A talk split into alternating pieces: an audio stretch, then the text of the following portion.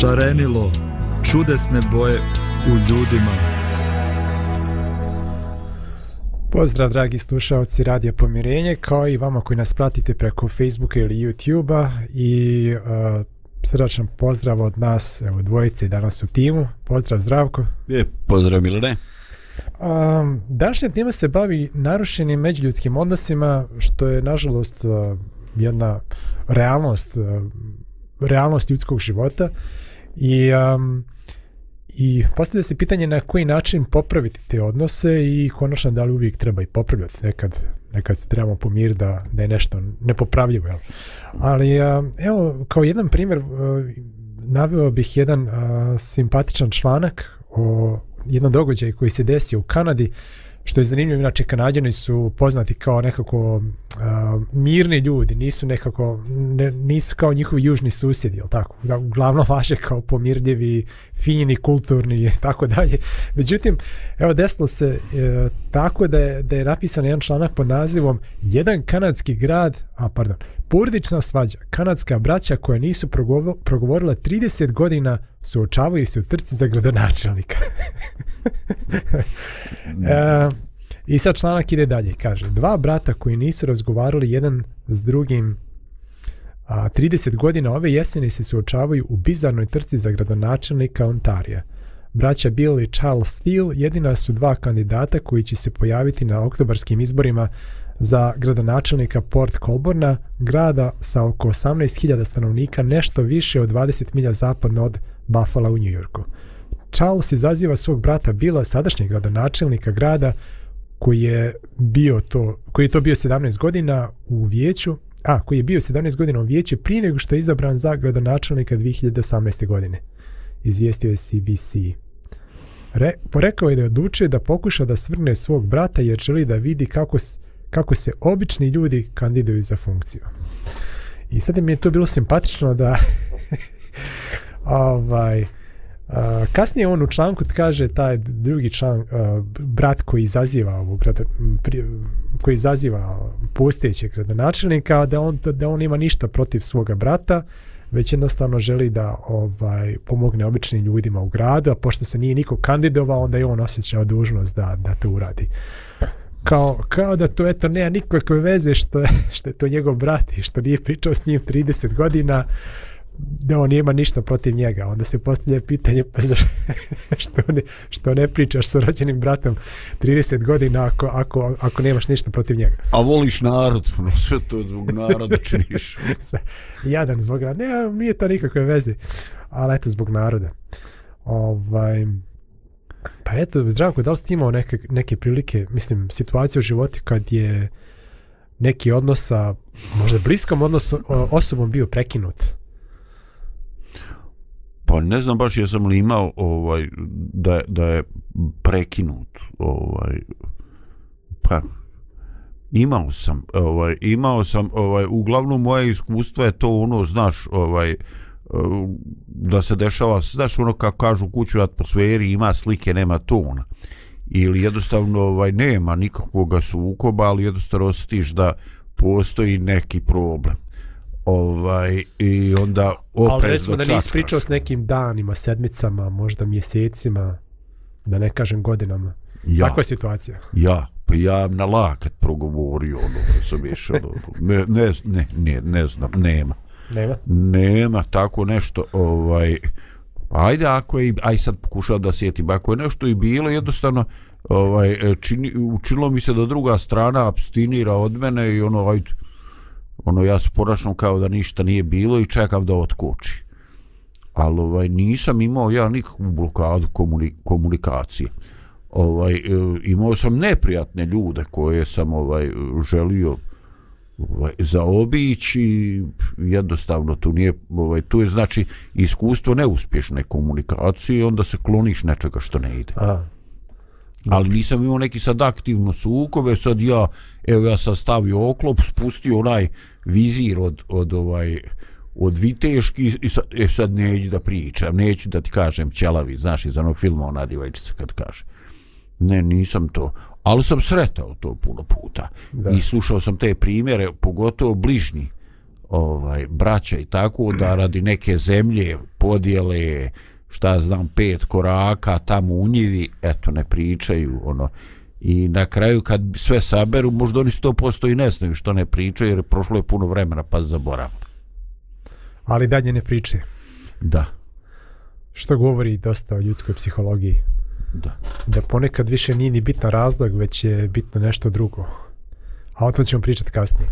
Ja se sjećam kad mi je, mislim, to je bilo dosta davno, je moj brat je bio onako nekim relativno momaka, ja sam još bio maloljetan i on se posvađao s jednim jako dobrim drugom i ovaj nisam siguran ni da je ispričao o čemu se radi. Ali uglavnom, ovaj, poslije nekih godinu dana skoro, on opet na telefon zove taj drug ili gdje ideš, idem se naći s tim drugom. I sad mi ono, otko to, pa nisi pričao kako sad to odjednom da, ste, da se opet družite.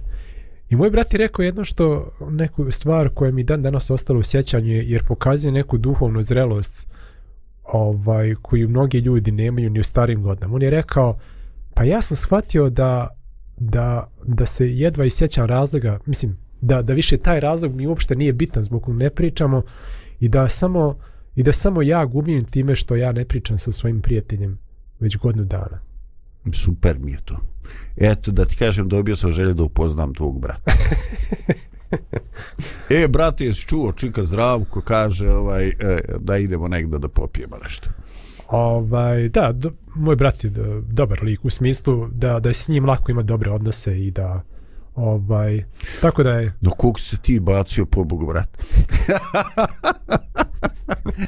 pa ne možemo baš obojica mora, ne pre, dobro rasporedio to Bog, znaš, malo ovo, malo ono, malo tamo.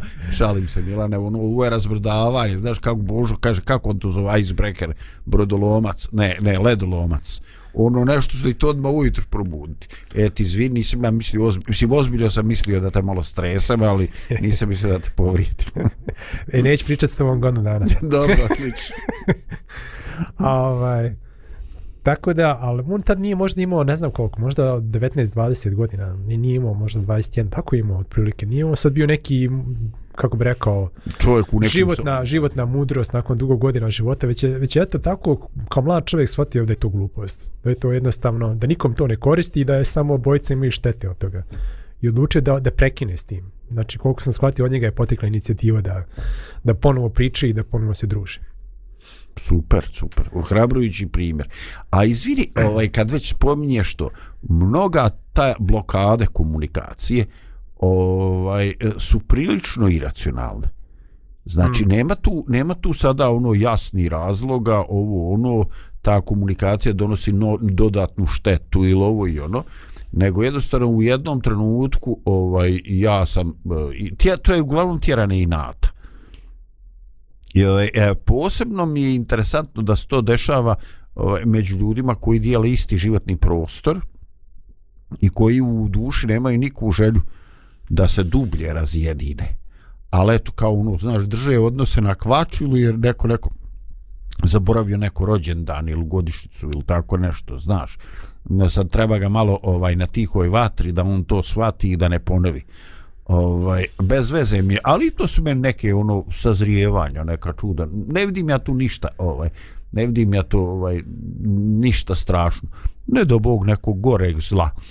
No, nekad je dobro i čutati. Mm.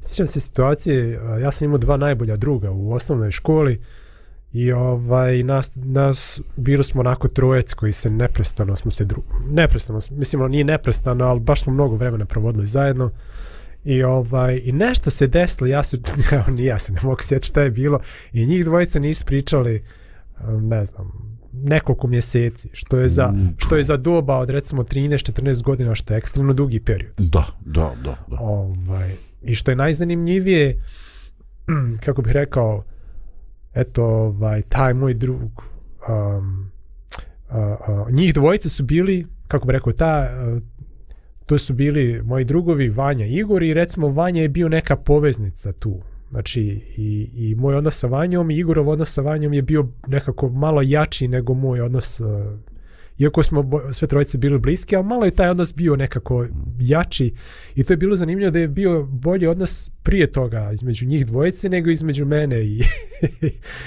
i, i Igora. Međutim, Igor je nastavio da se druži sa mnom, ali nije, nije sa njim. I onda sam se ja tako s njima pojedinačno družio. To je bila jedna smiješna situacija tako. I onda on me pita šta se radio, pa bio sam s ovim drugim. I tako.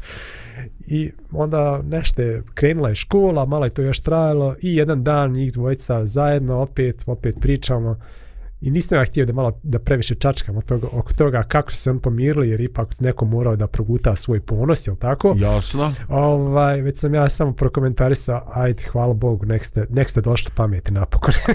Da, da, da, to je baš onako naš riječnik, ono, znaš.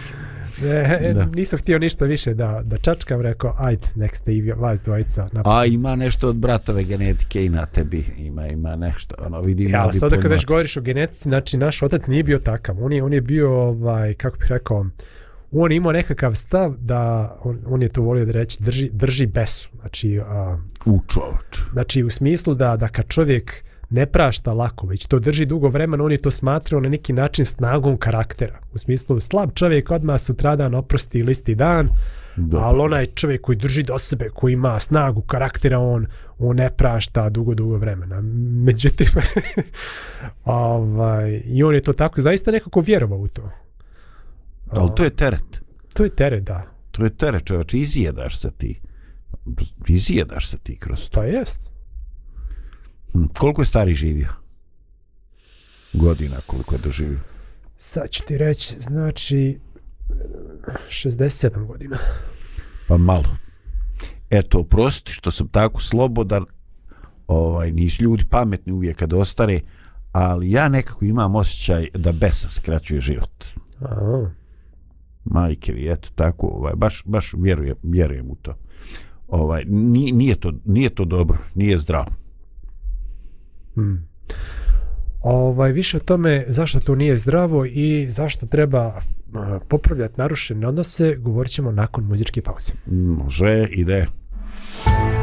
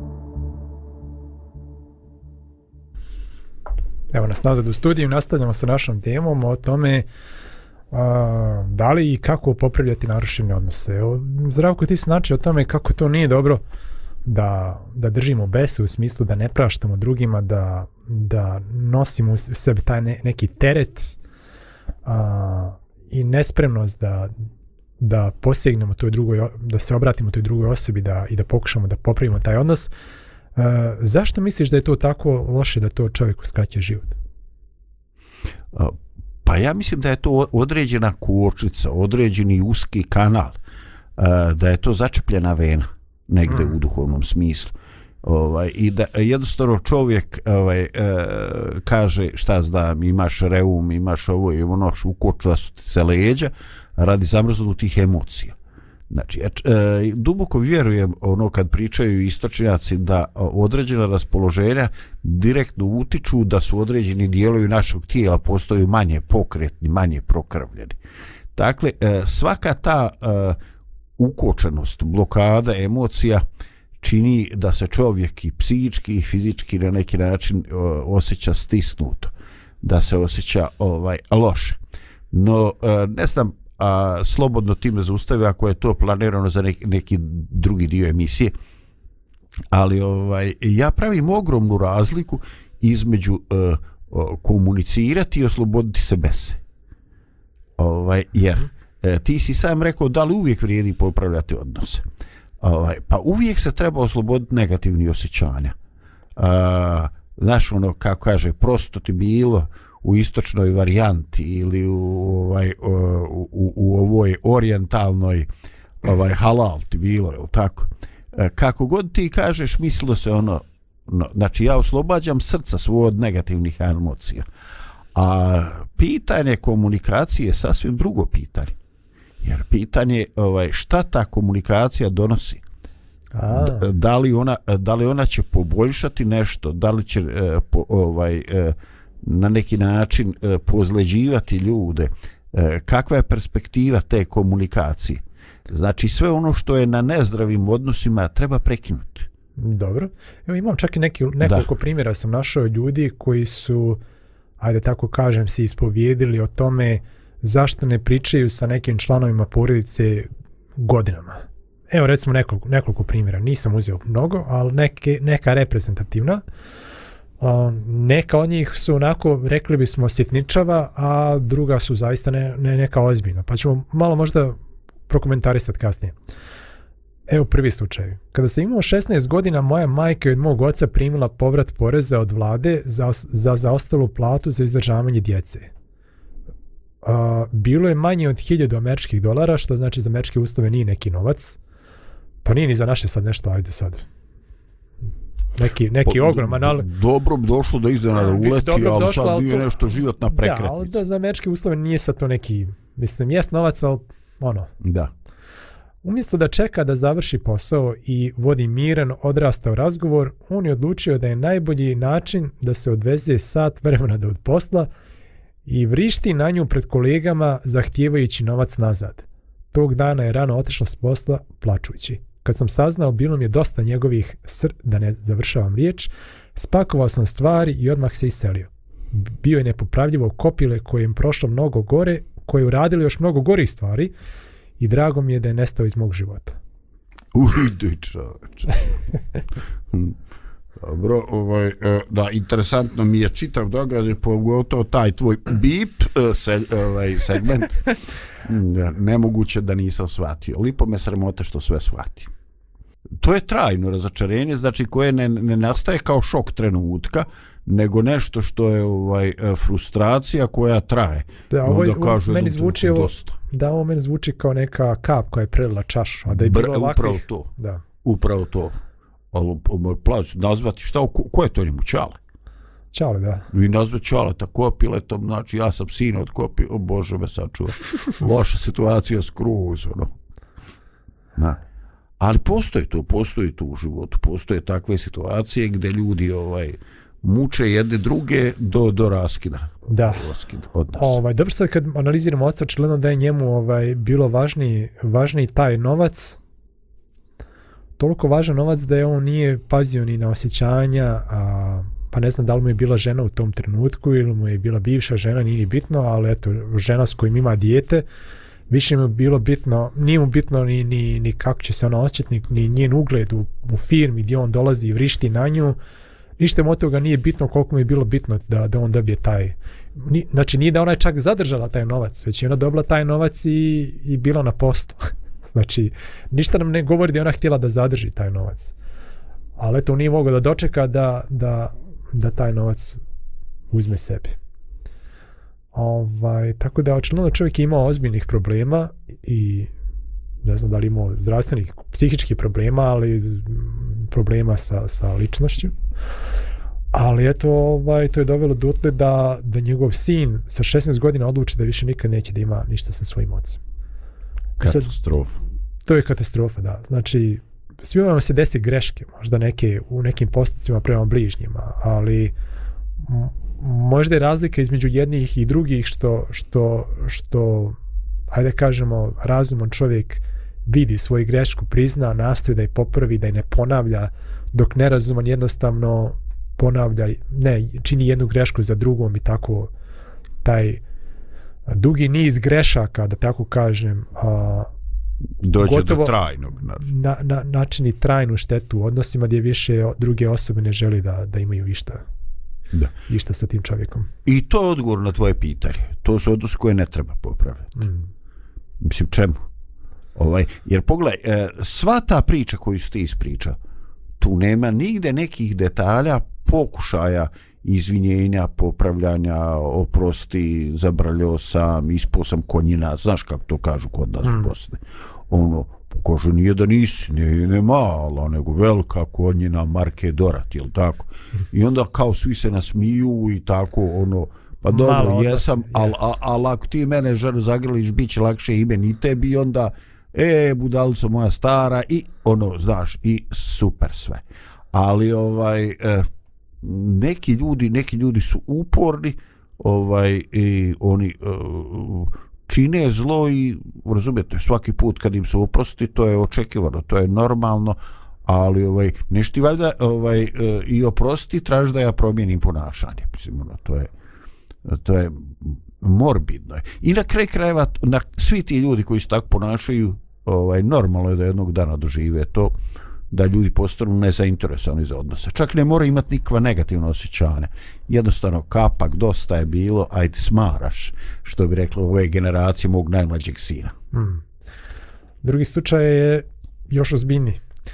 Potičem iz porodice su, su zavisnih i pomagača. Sad možda su a, možda su slušalcima nepoznate vi pojmove, ali u principu nekoj teoriji um, um, izučavanja zavisničkih odnosa gdje, jedan, gdje jedna osoba, ajde kažem, onaj koji koji a, drži pod kontrolom ili na neki način je toksična osoba, a, a drugi je žrtva, ima čitav niz drugih osoba koji na ne, neki način omogućavaju čitav taj sistem. Uvijek ima neka druga osoba koja pomaže zlostavljaču, uvijek imaju neki su zavisnici koji su tu također umješani, i to ima jednu svoju dinamiku odnosa. Uglavnom, znači nije samo a, zlostavljač i žrtva, već tu imaju i drugi ljudi okolo koji na neki način ne čine ništa ili omogućavaju zlostavljača. Prave kulise. Da. Znači, bez njih bi čitav, to, čitav, čitav taj odnos bio nemoguć. Znači, mm -hmm. nije, nije samo taj zlostavljač koji je kriv, već svoju odgovornost imaju i drugi ljudi koji mu u tome pomažu ili, ili koji ga brane, štite ili na neki način podržavaju. I jednostavno kaže, to nije naš biznis. Tako je.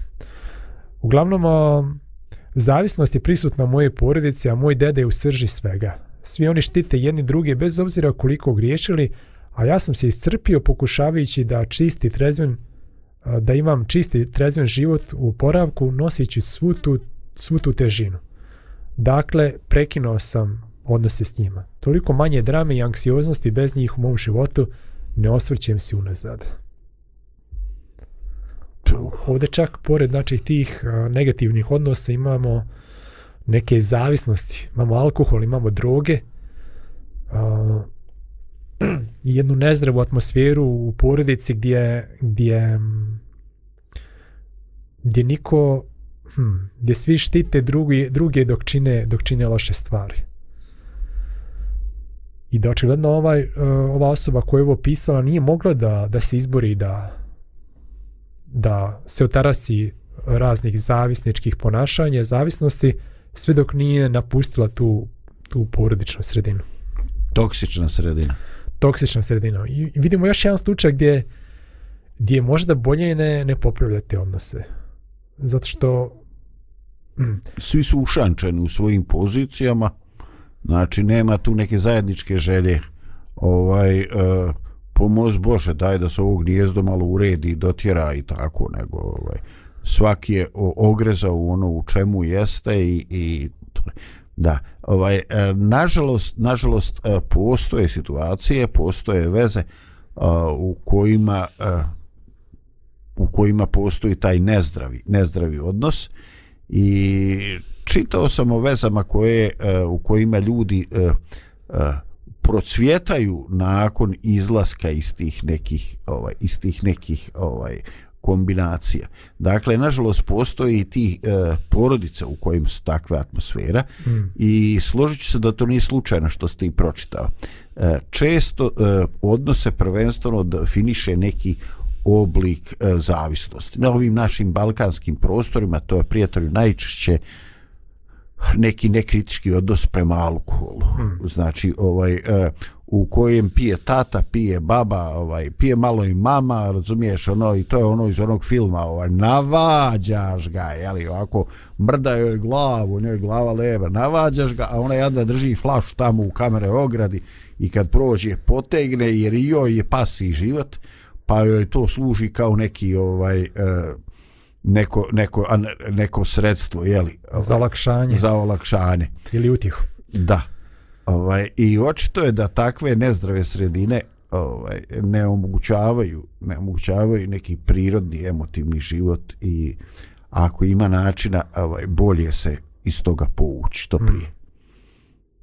To je vrzino kolo, Milane. Mislim, jednostavno tu neki ljudi u tom nekom među odnosima e, e, jednostavno e, nadopunjavaju to i, i nema, nema izlaska. Nema izlaska iz toga. I kažem, ovdje je to najčešće razlog je na ovim prostorima alkoholizam koji nije zadržan samo na jednoj osobi, A. znaš.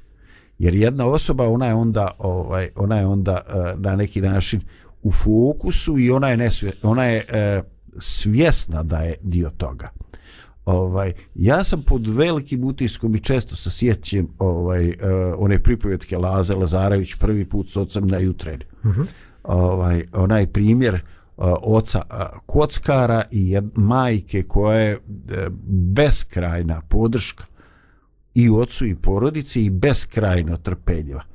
I te jedne noći kad definitivno se čitava kuća raskućava, kad se, kad se konj izvodi, mislim, hranitelj praktično ili krava, znači kad sve ovaj propada i kad jutro doživ, dočekuju bez svega sa pomisli čak da samoubistvo. I onda taj svetački, majčinski pristup gdje ona prilazi ocu i kaže sve će mi to našim rukama ovaj, povratiti. Podsjeća ga da ima dijete i taj prelaz kad on rano ujutru ustaje, umiva se posle noći kocke, uzima svoje dijete za ruku i idu u crkvu na jutrene. I dijete to pamti prvi put sa ocem na jutrene. Hmm. To je povratak nekoga svjetla u njihovu, njihovu kuću. I ovaj e, u svemu tome što ti navodiš kao primjere, nema ništa bez tog nekog prelomnog trenutka pokajanja i obraćenja kad Bog dotakne nečije srce i kaže ne može više ovako, uništavam i sebe, uništavam one do kojim je stalo. I to je strašno, dramatično, ali izgleda da ne ide bez toga. A, hvala Zdravko, dobri ovaj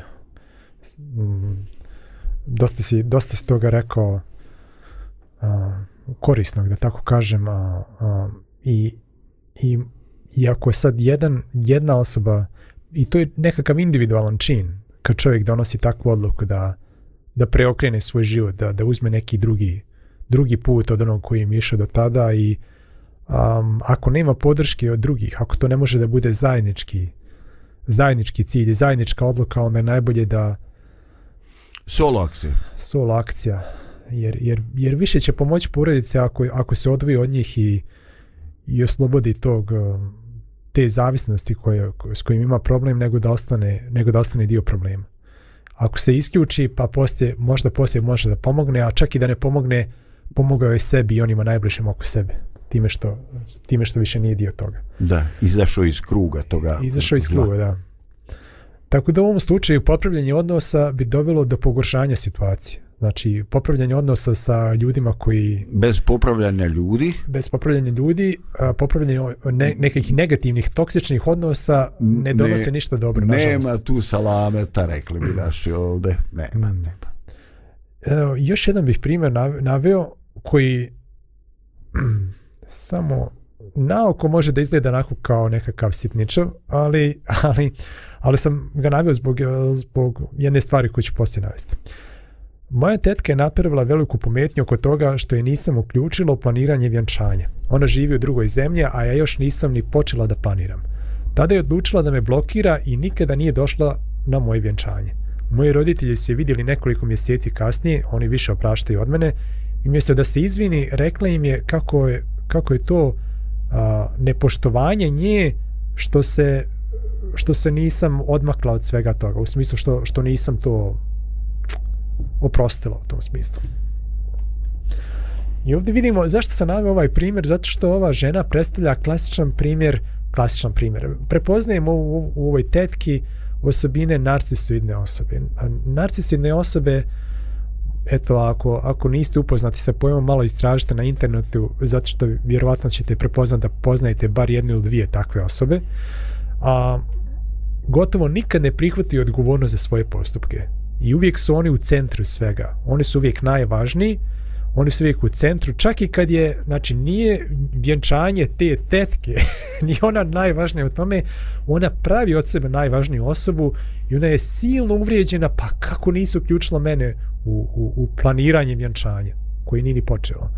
A, znači, to je prva stavka, a druga, kad je već ona zabrljala žestoko i, i, i nije došla na vjenčanje i pokvarila je neki odnos koji je imala, ona i dalje ne može da prizna svoju odgovornost za, za ono što je, što je za štetu koja je načinjena, već, već tu odgovornost prebaci na drugu osobu, što je još jedna osobina narcisivnih osoba, znači nikad neće reći izvini, pogriješio sam, pogriješila sam, a, a neće se više ponoviti ili slično. Znači uvijek je druga osoba kriva, ili su krive možda od o, situacija, okolnosti. Uglavnom, Glina kriva, da. E, uglavnom, uglavnom ta osoba nije nikad kriva i vrlo je teško imati zdrave odnose sa, sa, sa takvom osobom. Nekad i nemoguće. Da li ste zdravko imao iskustava sa, sa osobama? Sa narcisoidnim osobama? Sa narcisoidnim osobama ili recimo samo ta osobina koja, koju uvijek prebaci odgovornost za vlastite greške na ili na drugu osobu, ili na okolnosti, situaciju? Pa nije u meni u porodicu nije bilo baš neki narcisa, razumiješ? Mi smo imali problem s nekim drugim stvarima, razumiješ? Mm. -hmm. Ovaj, mi smo zdrugirali tu i tamo moji sa onim ovaj, uh, uh, naš ono uloga žrtve ono, a, a to je isto oblik narcisoidnosti vjerujem isto oblik, isto oblik narcisoidnosti ovaj, prepoznao sam to i pa nešto nije to što sam ja to prepoznao vidio nego sam ja u jednom trenutku života shvatio čovječe da sam ja nešto od toga nasledio i onda se zgroziš. Alo bolo, ne, ja sam to gledao na drugih gdje je to sad? I onda se sjetiš one biblijske nismo i bolji od otaca naših razumiješ, samo što možda nešto nije nije bilo prilike da se to dovoljno razvije. Ali suočiš se ti sa svim tim. I vidiš da to kao potencijal čuči u tebi. I pošto se to vidi u nekom družnom obliku a ružan oblik je zašto se vidio na drugom, ne razumiješ Jer kad vidiš svoju osobinu, onda to nekako simpatično, je tako? Volimo mi svi sebe, ono, čak i kad se prekorjevamo.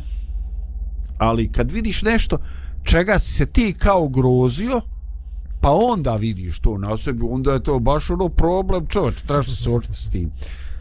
I ja sam i u zrelim godinama ovaj, e, znao uhvatiti sebe da prihvatam ulogu žrtve, ovaj, a uloga žrtve je u stvari e, odbrabeni mehanizam u mom slučaju e, ja sam osjećao prema nekim ljudima loša osjećanja i onda je e, bilo potrebno da oni budu zli da bi opravdali da ja u sebi imam neki ono odbojnost ono uf, jak izraz, možda čak neki dozu prezira, ovaj, i zato ti treba opravdanje. Jer već su u meni ugrađene blokade, ne smiješ ga i ta osjećanja. A onda ti treba da vidiš dobar povod da bi ti to ipak smio ovaj gajiti. E, dakle, e, ne znam, nije bilo baš neki pretiranih narcisa kod mene, ali je bilo tih ovaj, uloga žrtve s kojom se manipuliše. I, I isto je to opasno i strašno. Dakle, vidjeli smo da pusti odnosi a, čiji popravljanje ne donosi neke pozitivne rezultate, već, već a, samo nastavlja nekakav začarani krug u kome jedna ili, ili sve osobe u tom odnosu a, su zarobljenici nekog, nekog zla. Bilo da je to emotivno zlo, bilo da je to zavisnost, bilo da je to neko zlostavljačko ponašanje ili, ili slično. I da, je, I da nisu svi odnosi vrijedni spašavanja. A o tome kako razlikovati jedne od drugih odnos, odnosa ćemo uh, razmišljati nakon muzičke pauze. Možemo. Radio, radio,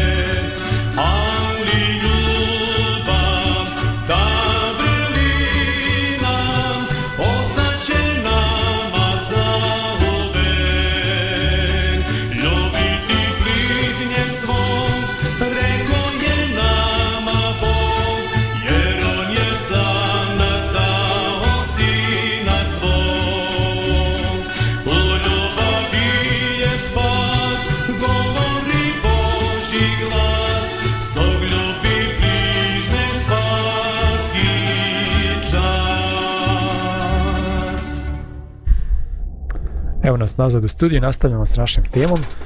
Um, kad govorimo o, o narcisidnim osobama, evo, ja sam imao takav slučaj da sam poznavao osobu koju, dok im je bilo veoma stalo i, i kad je ta osoba napravila neki jedan niz nekih ekscesa od kojih je jedan bio tako krupan da, da je bio ono ne znam ni ja, bio knockdown za naš odnos ovaj ja sam i pored toga što sam se osjećao povrijeđenim, iako je to zaista bilo nešto onako ružno, ipak sam žarko želio da se da, da se taj odnos obnovi. Ali sam bio svjesna da to ne zavisi od mene, već zavisi od druge osobe. Međutim, ta osoba nije mogla da doživi tu promjenu uma, zato, što, i što se često i dešava kod narcisidnih osoba. Mi želimo da oni vide svoju grešku, mi želimo da se oni pokaju, mi, mi želimo da oni poprave svoje ponašanje, ali to se jednostavno ne dešava. E, neće da može. I onda, i ja sam čak, evo, mi smo više puta govorili na radiju o vrijednosti i važnosti oproštenja i evo, ja sam prošao kroz te korake. Prvo sam se odrekao od uh, osvete, znači nisam želio da vraćam istom mjerom, ali još uvijek nisam želio da pričam s tom osobom. Pa sam onda prešao i preko toga i počeo da pričam s tom osobom. I sad treći korak je bi, bi bio uspostavljanje onakvih odnosa ka, kakvi su bili prije. Ili možda čak i boljih nek što su bili prije. Međutim, I evo, ja sam čak i taj korak napravio i mislio sam, hajde, možda je osoba shvatila svoju grešku, samo je teško da to kaže. Ja sam to se tako nekako govorio, iako sam u dubini duše znao da to baš ne ide tako. Međutim, osoba je onda ponovo počela da se ponaša na isti način ili da pravi vrlo slične stvari kao, kao one koji su te, taj odnos gotovo upropastili, gotovo uništile. I onda sam ja shvatio, pa ja ne mogu da imam zdrav odnos sa tom osobom. Ja samo mogu da budem Žrtva. žrtva u nekoj u nastavku nekog odnosa verbalnog ili emocionalnog zlostavljanja a ja ne želim da budem žrtva u nekom odnosu. No, hvala Bogu, da. I onda sam shvatio da se ja mogu na sat na glavu, da ja mogu raditi sve sa svoje strane, ali to nije dovoljno za uspostavljanje zdravog odnosa. I onda sam, onda se vraćamo na ono početak što si ti rekao. Moje osjećanja su bila nisu više bila osjećanja ozlojeđenosti, gnjeva, ljutnje ili bilo čega drugoga.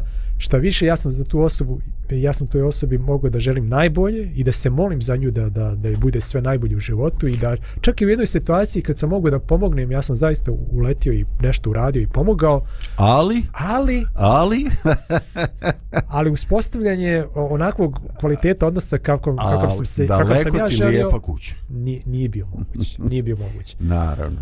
A, I to je ono što si ti zdravko govorio u početku, gdje, gdje su moje osjećanja, kako bih rekao, ja sam u miru i sa sobom i sa tom osobom, iako taj odnos više nije, Da. nije onakav kakav je, kakav je nekad bio. Uh, međutim, hajde se bavimo sad ovim drugim odnosima koji vrijedi spašavati. Znači, imamo neke prijatelje s koji imamo jako dobre uh, godine možda iskustva i druženja ili neke članove porodice koji, s kojim smo bili bliski i nešto se desilo što je što nas je učinilo bijesnim, što, što je pokvarilo taj odnos um, i hajde kažemo da je taj odnos vrijedan spašavanja i da treba da se popravi. Često takvi, čak i takvi odnosi ne budu popravljeni zbog toga što ljudi prave određene greške. A, a prije što kažemo šta treba da se radi, koje su stvari koje ne bi trebalo, koje nikad ne bi trebalo raditi ako ikad imamo na umu da, da neki odnos bude, bude popravljen i ponovo uspostavljen. Šta ti misliš? Ovaj, e, vjeruj, nažalost, ja imam jednu takvu situaciju, Aha. imam u glavi ovaj, memorisane. Znači, vrijedi popravljati odnose koji u svojoj suštini nisu pokvareni, nego postoje određena a, određena a, tumačenja onoga što se desilo A, ovaj znači e, postoji bliskost, postoji emocije i to je često o, slučaj unutar porodice. Ovaj evo to je recimo slučaj između braće i sestara. E, na primjer, e, neko je u porodici bolestan i onda svi u porodici tog bolestnog kaže kako nema tvog brata, sestre, pa kaj, znaš, ima obaveza, pa pusto obaveza, nek uleti da tri minute, ne kaže kako si sestra, kako si brate. Znači, ta neka očekivanja koja mi smatramo da su a priori opravdane. I druga strana to ne uradi i nema svađe, nema konflikta. Jednostavno zahladi, sve su rijeđe poruke, sve su rijeđe javljanja, e, prođe puno vremena, ljudi se ne posjete, i ne do Bože do nekog većeg zlo i nekog većeg iskušenja, to se može otegnuti. Pa je li ima neki problem? Pa nema, ne znam, pa šta? Pa ne obilazimo se. I to je, to je, ovaj, e, to je loše. Jer vrijeme neumitno prolazi. I onda, ovaj, e, ajde da kažem, ja sam e, sahranio oba roditelja. Ali, ovaj, poseban je osjećaj, ovaj, e, ja, sahranio sam i mlađeg brata I to je neki uh, jako neobičan i, i, i čudan osjećaj. Imam i sestru mlađu. Ovaj, uh, živa je, zdrava relativno. I onda ovaj uh, i sestra i ja smo u jednom trenutku se gledali i rekli mi sad imamo samo jedno drugo. Ovaj, I znači postoje razlozi, postoje nesporazumi, postoje među živim ljudima uvijek nešto što je trebalo je bilo bolje. Ali ne biva u životu uvijek onako kako mi zamislimo. I ne bude uvijek onako kako mi isplaniramo.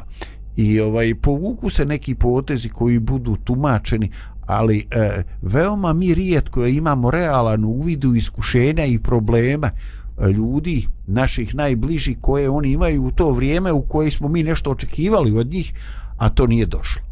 I onda mi negde se osjećamo povrijeđeni, distanciramo se, a ne znamo da li je to, da li je to nedostatak interesa, nedostatak ljubavi, do čega se, do, u čega je. I mislim, ovaj e, šta ti pitao sasvim pre, ovaj, šta činiti ili šta ne činiti Šta ne činiti ako Da. želimo da ikad odnosi budu... o, pa ne treba da ovaj naš problem ovaj e, prenose treće osobe A, jer ako se mi žalimo onda će te osobe to ovaj onda do te osobe do koje nam je stalo do tvoga brata do tvoje sestre e, neće doći tvoje riječi nego će doći interpretacija tvojih riječi kako je treća osoba to i vjerovatno se stvari neće pojednostaviti nego će se je- koja je iskomplikovati možda još i gora i izvučena iz konteksta u odnosu na ono što smo mi stvarno rekli. brate. Znači, idealno bi bilo ajde, stisni zube, nađi situaciju, pokušaj sa svojim rođenim pričati. Mm. Znači, imamo još samo jedno drugo. Nema oca, nema majke, nema brata. Pitanje vremena kad će jedno od nas izgubiti ono drugo. Aj, trebalo da ona izgubi mene, mlađa je. Ali nikad se ne zna.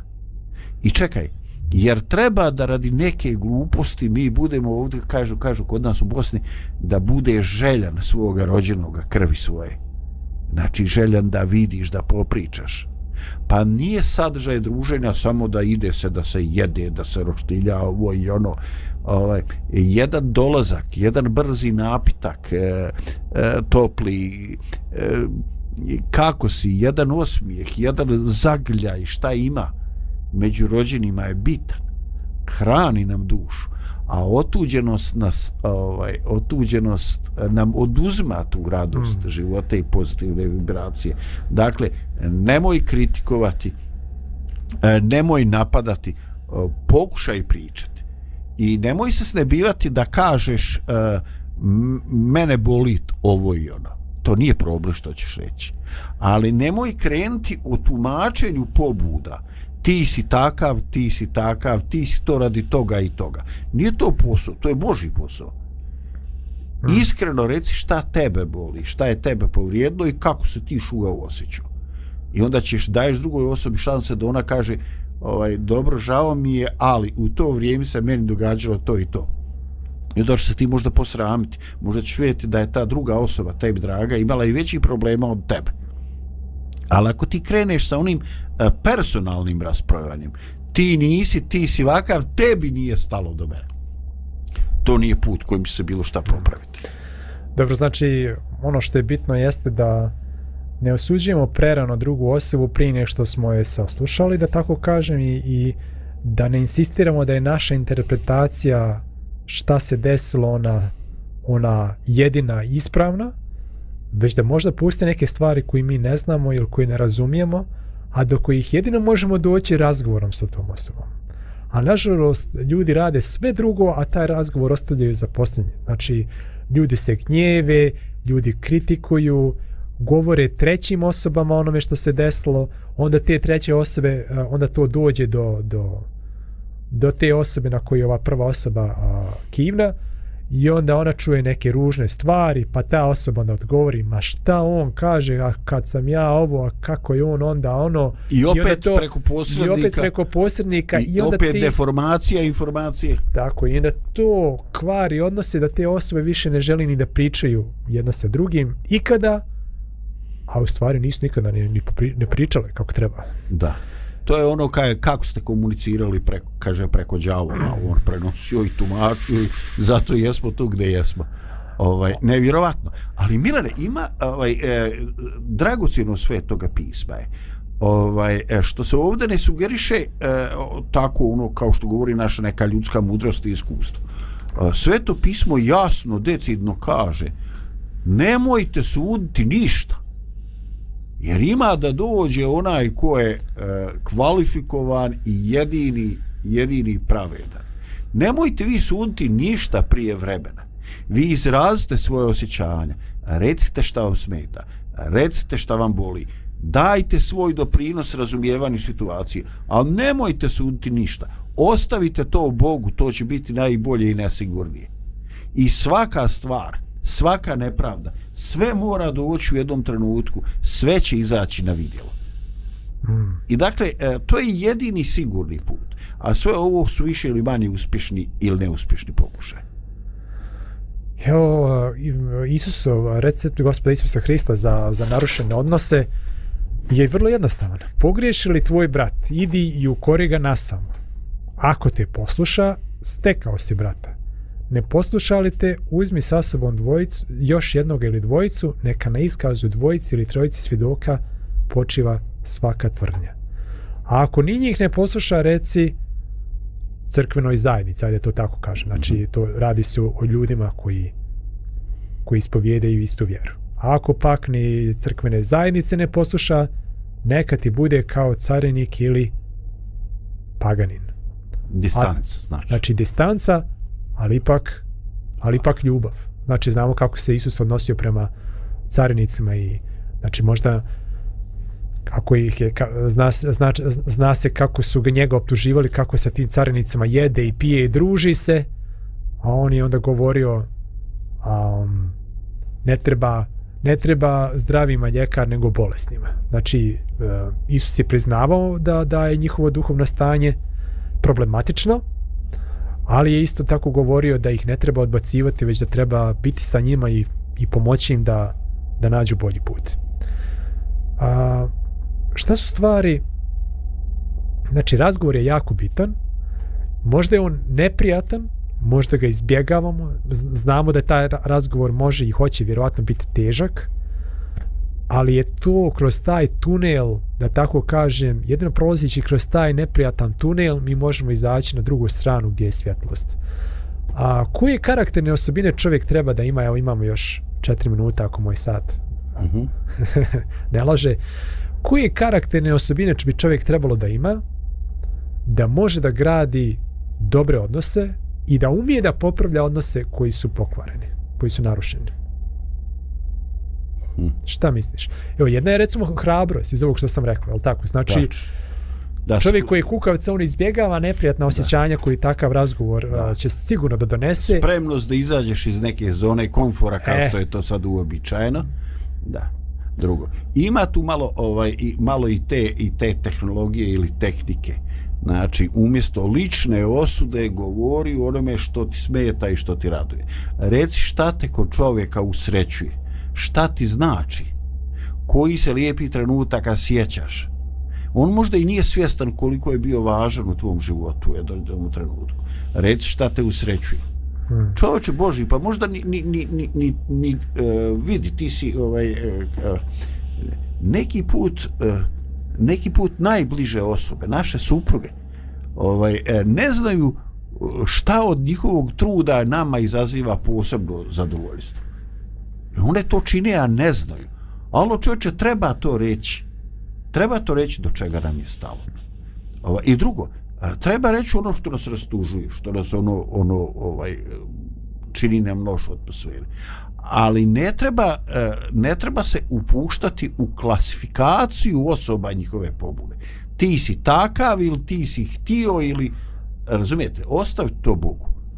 Nemoj tumačiti pobude. Mm. To je po meni pravilo, jer kad god se to radi, ne, ne, ne bude na dobro. Definitivno. O, još jedna stvar koja mi pada na pamet jeste da, da su nam, da je bitno da, da su nam ljudi važni. Znači u današnjem materialističkom svijetu gdje ljudi trče za novcem i zadovoljstvima, a, ono što, kako ono neko reče, ovaj, problem današnjeg svijeta je što što ljudi vole stvari, a koriste ljude umjesto, Mhm. da, umjesto da koriste stvari, a vole ljude. E, danas je takva situacija da mnogi ljudi a, nemaju problema da neki odnos bude prekinut, da nemaju odnos ne, s, nekim, s nekom osobom, jednostavno zbog toga što a, ima puno drugih stvari i zadovoljstva u životu koje nam može ovaj doneti sreću. Konačno, evo je da završim s tim za, za, za danas, čovjek koji je doživio Božju dobrotu, odnosno blagodat, što znači neku nezasluženu naklonost, da je Bog prema, prema meni bio daleko bolji nego što ja to zaslužujem i brinuo o meni, bio dobar prema meni, a, izbavljao me iz teških situacija, neke moje potrebe zadovoljavao. A, I kad čovjek doživi takvu Božju dobrotu i tu blagodat, on je onda spreman da blagodat pokaže prema drugome. I ta blagodat, kad, kad činiš nešto drugome, a on zna da to nije zaslužio, nešto dobro, a, čini, a, čini nešto, nešto magično na popravljanju međuljudskih odnosa i na I ako je, ne, ako je jedna stvar koja može da promijeni ljudsko srce jeste da, da doživi blagodat. Božju blagodat direktno ili ispunjenu preko drugih ljudi. Eto, završio bih s tim za danas, a onda čujemo se ponovo sutra. Pa Milane, tebi i slušalcima svako dobro i živo iskustvo ovaj blagodati.